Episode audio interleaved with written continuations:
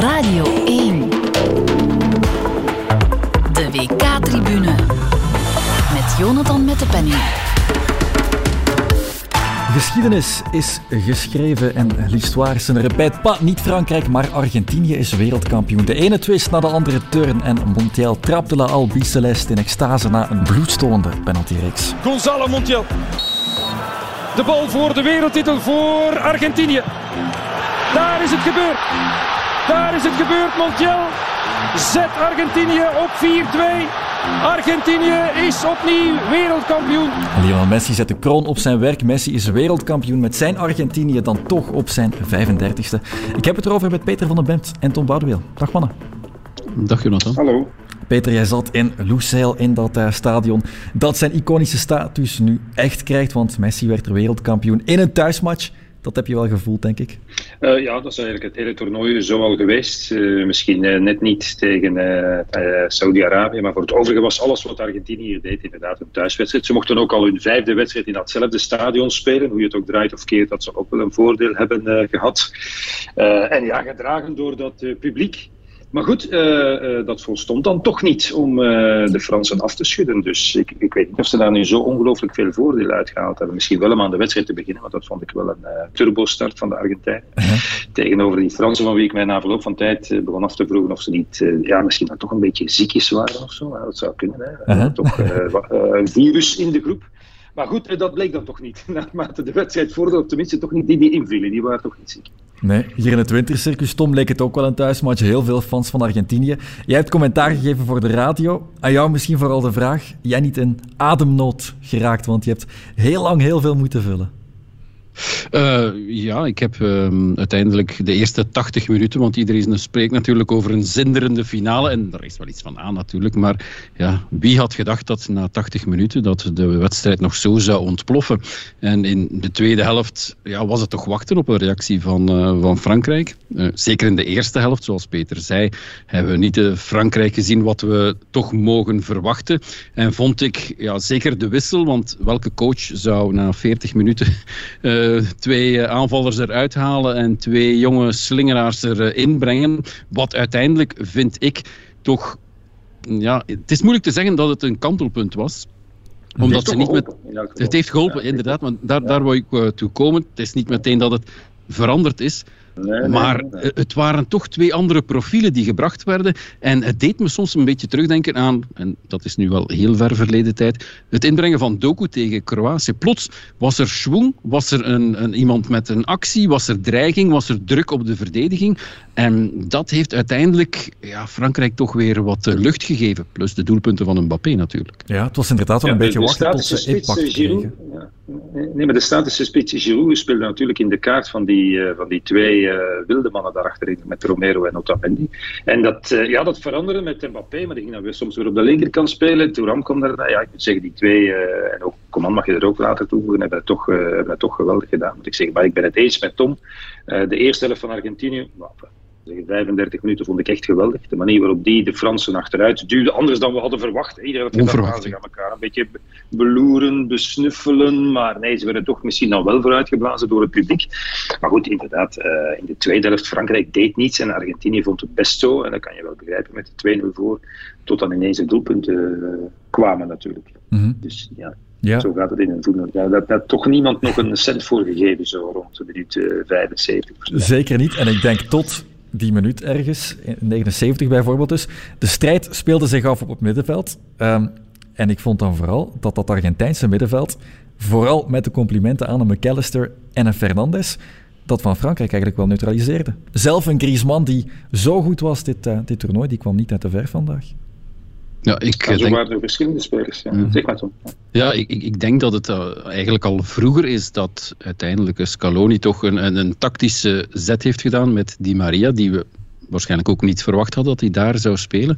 Maar ik vond, ja, De Paul, en, en het ging altijd naar die linkerkant. En ik, ja, er is heel veel gevaar langs uh, ja, McAllister genoemd, maar, maar Di Maria vond ik, ja, dat vond ik toch wel de tactische zet uiteindelijk, waar Argentinië altijd uh, terecht kon. Ze zijn bijna nooit langs uh, de rechterkant gekomen, dus dat vond ik wel heel sterk van. Ja, maar dat vond ik ja, net verrassend. Aan de rechterkant, nee, maar aan, aan de rechterkant, Jonathan, hebben ze gezorgd dat er geen doorgang was voor Bappé, met, met Molina die eigenlijk ik denk niet, uh, anderhalve keer is gekomen. Die dus in positie bleef. En de Paul die daar voortdurend uh, naar de rechterkant uitviel om daar de dubbele dekking op Mbappé, als hij dan toch eens aan de bal kwam, uh, te verzorgen. En ja, dat, dat middenveld, dat is eigenlijk met een aantal, aantal jongens, en er zijn nog wel een paar, die, die een gunstig gevolg zijn van de nederlaag tegen Saudi-Arabië. Dat is toch de conclusie die je moet trekken. Dat is een, een, een, een, een soort deugdoende nederlaag geweest kijk ook naar Alvarez, hij is uh, finale ook ingekomen. En Enzo Fernandes, die een, mhm. een, een hoofdrol heeft gespeeld. Dus, ja. maar, maar de manier waarop Scaloni zijn elftal neerzette, dat was er één dat, zou, dat bleek dan ook te kiezen voor de aanval. Hè? Want er werd een beetje nog gespeculeerd. We hadden een gesprek met Hernan Lozano. zei ja, hij gaat met vijf achterin spelen. Uh -huh. Gaat, gaat uh, uh, Martinez bijzetten. Lisandro Martinez bijzetten. Ze gaan met vijf achterin spelen. Dan dacht ik, ja, oké, okay, dan weten we al welke richting het uitgaat. En hij deed eigenlijk het tegenovergestelde. Exact. Ik vond het nu wel verrassend dat Di Maria nu bijvoorbeeld inderdaad die aanvallende zet van Scaloni echt op niveau was. Want wat we tot nu toe van hem hadden gezien op dit WK was, was niet bepaald goed vandaag was hij uitstekend in alles wat hij deed. Heeft niet zo lang gespeeld uiteindelijk. Werd er wel vrij snel afgehaald. Maar toch verrassend. Ja, bij Juventus heeft hij ook nog niks nee, laten zien. Na een. Dus maar ook door, ook, ja, maar ook door blessures. Hè. Hij is ook afgeremd geweest door blessures. Dus uh, ja, uh, ik zou zeggen, uh, dit was voor hem toch ook, als je kijkt hoe hij heeft meegeleefd, al die emoties die opborden. Ja, dit was niet zomaar een voetbalwedstrijd. Hè. Niet voor Messi, maar zeker ook niet voor Di Maria. Het was zijn allerlaatste. Dus dat hij nog een keer wilde schitteren. Ja, dan, dan kan zo'n wedstrijd dat blijkbaar toch in, in iemand naar boven halen. En hij heeft natuurlijk ook het voordeel dat hij niet tegen een echte rechtsback speelde. Vandaar dat ik denk dat, uh, dat Scaloni hem dan aan uh, de overkant heeft gezet. Terwijl wij misschien vooraf dachten, ja, hij gaat proberen om die, die uh, defensief toch wat wankele linkerflank dan met die avontuurlijke Hernandez en Mbappé die blijft staan, bestoken met die Maria. Maar deed het eigenlijk tegenover. Waar dan Koundé misschien ook wel wat, wat problemen mee had. Dus, mm -hmm. Het, ik vond maar, het... wat, wat, Tom zegt, wat Tom zegt heeft, beaam ik, de manier waarop Deschamps en, en, ik zou zeggen met enige verklaring, het was een soort Jeromekes slag zo, waarbij je pas het effect even later uh, vindt, ja, zijn elftal toch ja, weer in de wedstrijd heeft gecoacht. Mm -hmm. op een of andere manier. Ja, dat vind ik toch weer straf gedaan van die Didier Deschamps. Ik weet wel, oké, okay, er moet dan eens een doelpunt vallen, hè, uiteraard. Maar ja, toch knap gedaan. Ja. Ze waren weer heel efficiënt, wat eigenlijk het hele toernooi is geweest. Want ja, tot die uh, aansluitingstreffer hebben ze geen enkele bal tussen de palen laten staan dat ze een paar keer naar doel hebben geschoten. Dus uh, ja, ik vond het wel, uh, vond het wel heel ja. ook uiteindelijk. En dat de oudjes het uiteindelijk hebben gedaan. Eh, tot die 2-0. Iedereen dacht van, ja, kijk nu, kan het mooier? Die Maria, ik ga ervan uit dat hij ook wel uh, zal uh, afscheid nemen. En Messi. Ja, had hij al aangekomen. Ja, ja. Voilà, dat hij dat, dat net zei, dat leek het ideale scenario om met 2-0 te winnen, match doodmaken. En dan worden de twee die afscheid nemen, ja, worden dan de helden. Dat was het ideale scenario natuurlijk. Mm -hmm. En Mbappé kroonde zich dan wel nog tot topschutter van dit TK met nog eens een, een hat-trick in een WK-finale. Eigenlijk is dat ook vrij ongelooflijk. Maar je zag hem dan ook op dat podium lopen met zijn trofee. Ja, daar kan je niet blij mee zijn. Nee, daar had hij liefst uh, iedereen een klap mee gegeven natuurlijk, van die trofee. Zo en zeker geen knuffel van Macron. Dat topschiet. ja, oh, Jesus Christ. Wat een aansteller daar. Die bleef ik ook maar iedereen ja. tegen zich aantrekken, zoals, zoals, zoals, een, uh, een lebberige onkel op een huwelijksfeest. je waar niet wil lossen, nog van alles in je oor wil blazen, terwijl hij al te veel gedronken heeft. Zo gedroeg die Macron daar zich eigenlijk. Hè wil nog zeggen dat het met de beste bedoelingen was, maar, uh, maar uh, ja, uh, het is ongelooflijk frustrerend natuurlijk. Hè, als, je, als je gedaan hebt wat Mbappé deed. Eigenlijk zat hij ook niet in de wedstrijd. Hè. Nee, nee, nee. Hoeveel, hoeveel goede ballen zou je hebben geraakt? Geen enkele geslaagde actie of toch niet bijna. Maar dan moet je wel zeggen, voor een jongen van 23, zoals hij zijn verantwoordelijkheid neemt, twee strafschoppen nemen en dan nog eens een strafschop ja, ja. in, in de penaltyreeks. Ja, tegen, tegen een specialist. Ja, en Peter, ook omdat Mbappé Kane die, penalty, die tweede penalty heeft zien missen tegen Frankrijk, durft hij het wel nog gaan. Dat was het straf misschien. Ik denk dat Mbappé ook gewoon uh, door niets uit zijn lood. Mm -hmm. Dat zijn bedenkingen die wij, wij uh, wankele zielen maken wellicht. Maar die Mbappé denkt, penalty. Ik zat die gewoon binnen. Als ze er vijf zijn, neem ik er vijf. Ja, dus zo, zo eenvoudig is het. Daarom is hij ook natuurlijk zo, uh, zo formidabel. En ja, ja, dan weten we dat hij er nog één gemist heeft tegen de Zwitsers. Hè. Uh, anderhalf jaar geleden, waardoor de Fransen eruit lagen en hij kop van Jut was in, in Frankrijk. Dus ja, mm -hmm. dan, uh, dan ben, je echt een, ben je echt een hele grote. Ja. Wat vonden jullie van de drie penalties gefloten tijdens de wedstrijd zelf? Alle drie te geven? Ja, denk ik wel, ja. Voor mij wel. Ja. Uh, ook de eerste, waarover nogal veel discussie uh, bleek te zijn, maar uh, hij tikte hem even aan. En zeker nog met het tweede contact, terwijl die Maria dan al een beetje uit balans is. wel, voor mij was het. En, en zeker geen VAR tussenkomst, hè, dat vind ik helemaal logisch. Mm -hmm. En dus de andere, ja, voor, voor mij wel, maar ik denk ja. Nee, ik zag in L'Equipe dat hij een 2 kreeg, maar ik denk dat die echt wel.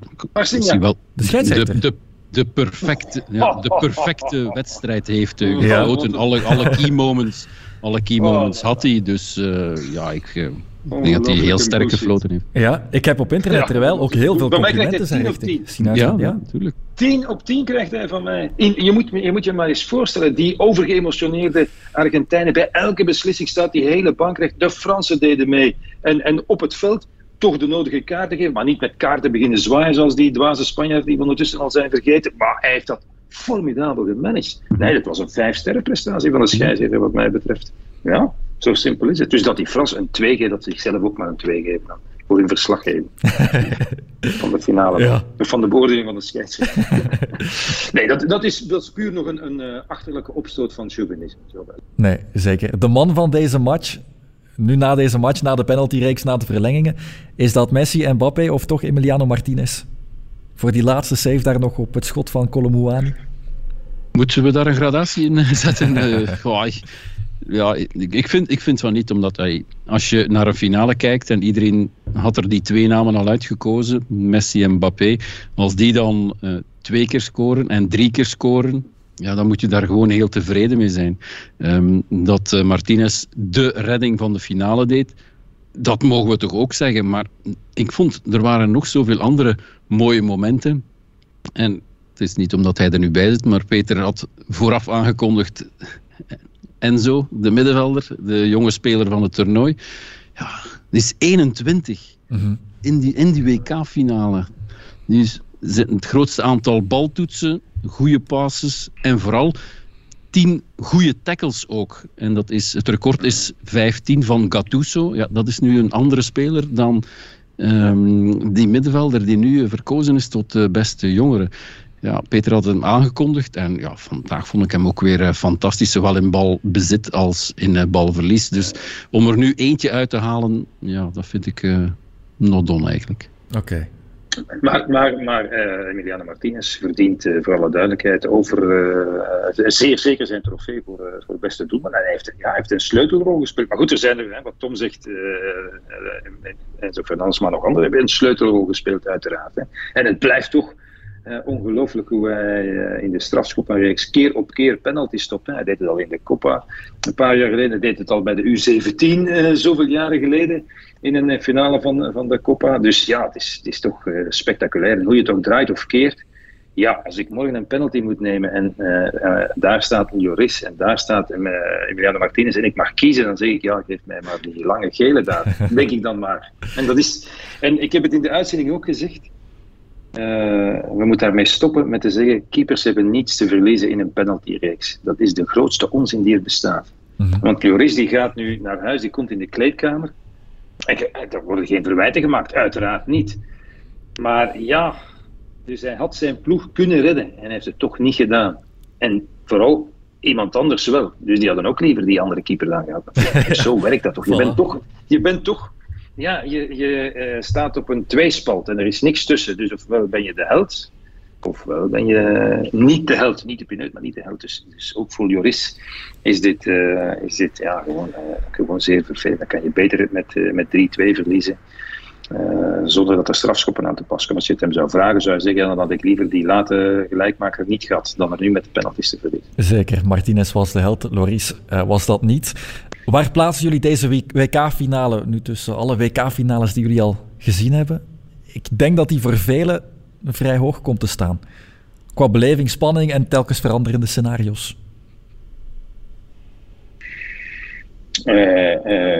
dus die in de jaren 50 heb ik niet gezien. Hè. Nee, ik Dus, ook niet, ook dus. in de jaren 60 niet. hè. Maar, maar qua, eh, qua beleving, qua eh, kwaliteit van eh, een aantal topspelers, qua scenario, allee, geschift gewoon.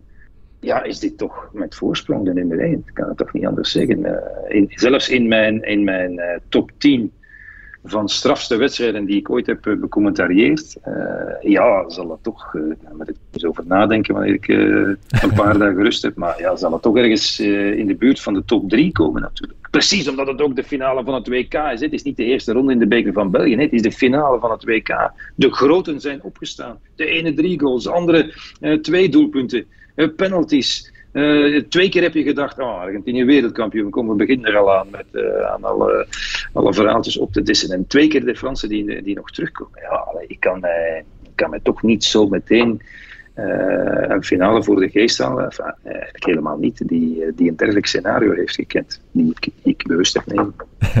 Sluit jij aan, Tom?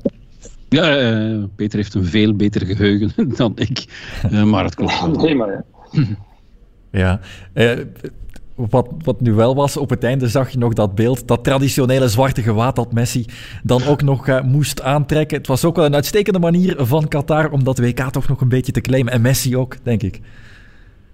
Uitstekend lelijk, uiteraard. Dus. Dat, is, dat, is een, dat is een moment waarop ik hoop dat de elektriciteit uitvalt en dat de mensen dan toch gedurende uh, 15 seconden geen beeld hebben. Ik weet niet welke idiote traditie dat eventueel, uh, volgens welke idiote traditie dat, maar sloeg werkelijk nergens op. Je zag ook aan Messi dat hij dacht, wat is dat hier nu allemaal? Straks krijg ik de beker nog niet omhoog als dat tekort afgesneden is en kan hij zijn armen in de lucht stijgen. Dus, ja.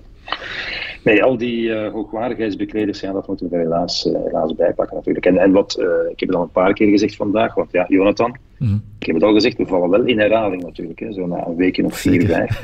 maar maar dat werd vooraf ook wel zo gezegd, ja, dus de mensen die vinden dat dit WK eigenlijk nooit had mogen plaatsvinden, en daar sluit ik mij bij aan, tenminste niet in Qatar, om de gekende reden, ja, die hebben hun, hun ergste nachtmerrie bewaarheid zien worden. Mm -hmm dit WK, deze finale ook al. En dan Messi, die wereldkampioen uh, wordt. Ja, dat zal voor eeuwig en één dag gelinkt worden aan Qatar. Degene die graag had hadden dat we dit WK zouden, zouden vergeten, maar dat gaat natuurlijk niet gebeuren. Over 50 jaar of over 100 jaar, wanneer uh, andere mensen, uh, misschien op een andere planeet, zich afvragen wie zijn nu de grootste voetballers uit de geschiedenis en zeggen, ah ja, Messi, want hij werd wereldkampioen. Qatar. In Qatar. en, en, vooral de Emir en Infantino die die beker vasthielden ja, ja, ja. en nog niet wilden afgeven aan Messi. Hadden ze Loris dat gewaad aangedaan? Dat vraag ik me nu wel af. Als kapitein van de federatie. Dat, dat, zal, erbij horen, zeker. Hè? Maar uh, uh, het zou kunnen dat Loris gezegd had: nee, daar doe ik niet aan mee. dat zou kunnen. Loris was natuurlijk ook wel een van de mannen die de One Love armband uh, al sowieso niet aan wilde doen.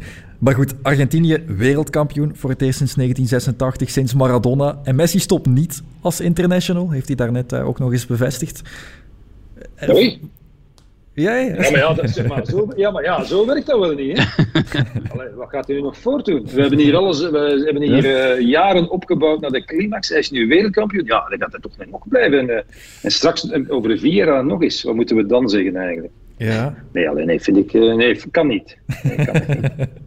Ik stuur hem een bericht. Ja, de, zeker doen, Tom. Ja. Maar je weet wel, structureel gaat er niks veranderen bij de Argentijnen. Dat blijft een ploeg die rond Messi zal blijven spelen, terwijl het misschien net wel interessant geweest zou zijn om te kijken waar gaat die ploeg nu naartoe. Kan daar ja, meer dan de strijders van Messi gemaakt van worden?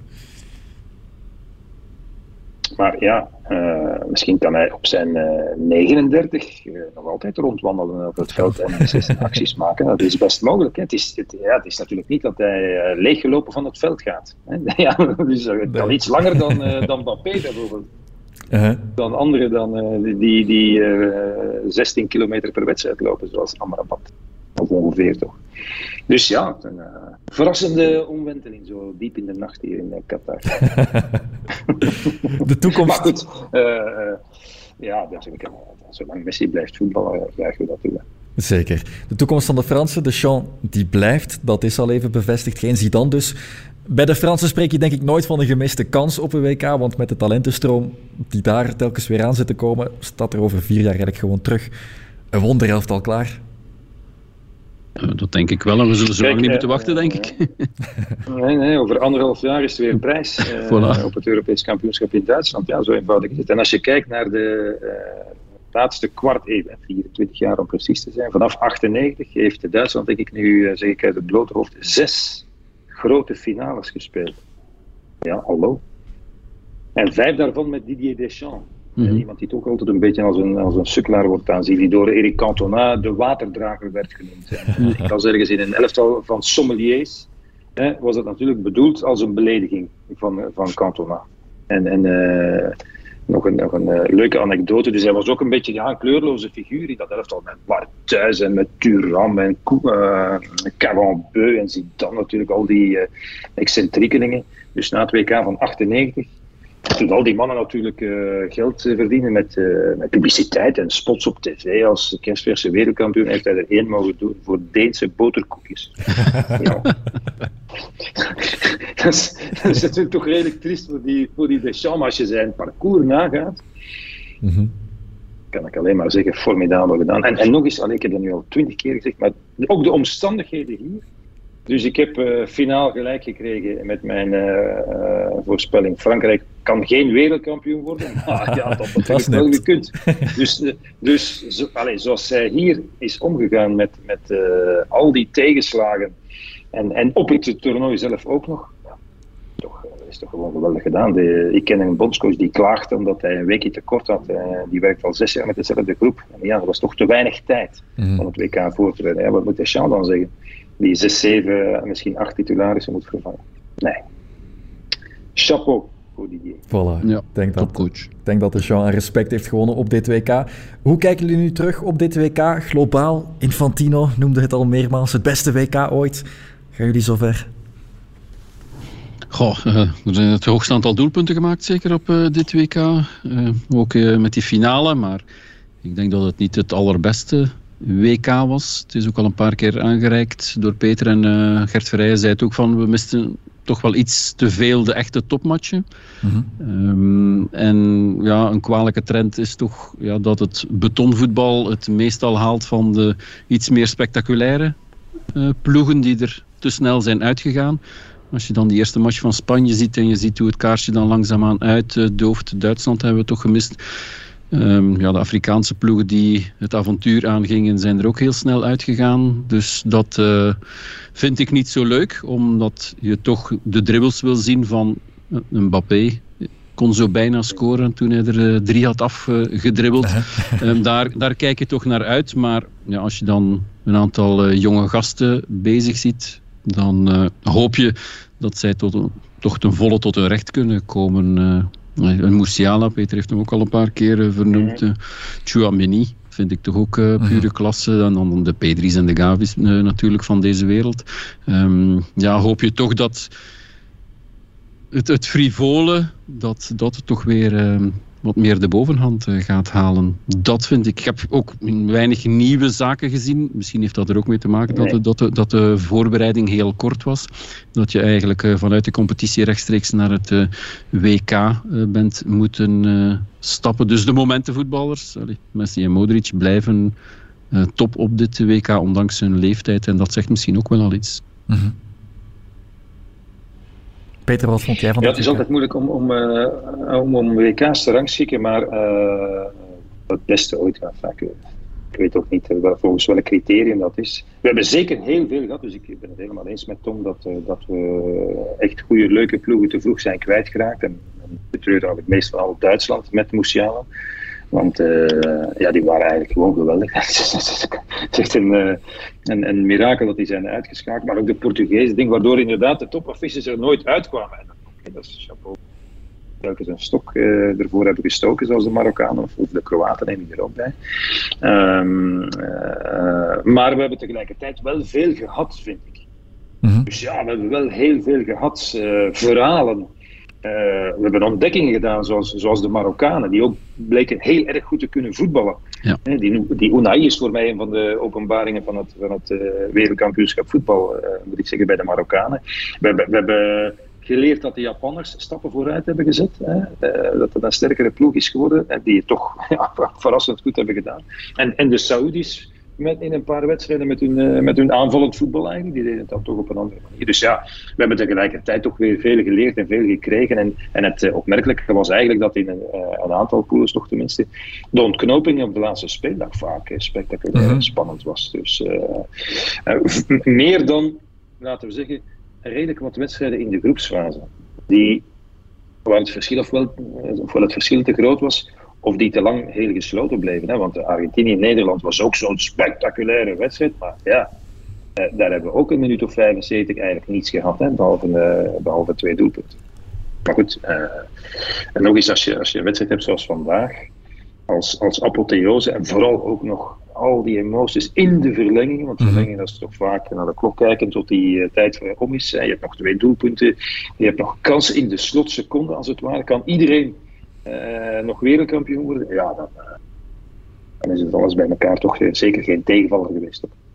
Ja, dat vond ik de verrassing van de laatste week eigenlijk. Omdat iedereen zat altijd maar op de kap van Marokko. Ze kunnen alleen maar verdedigen.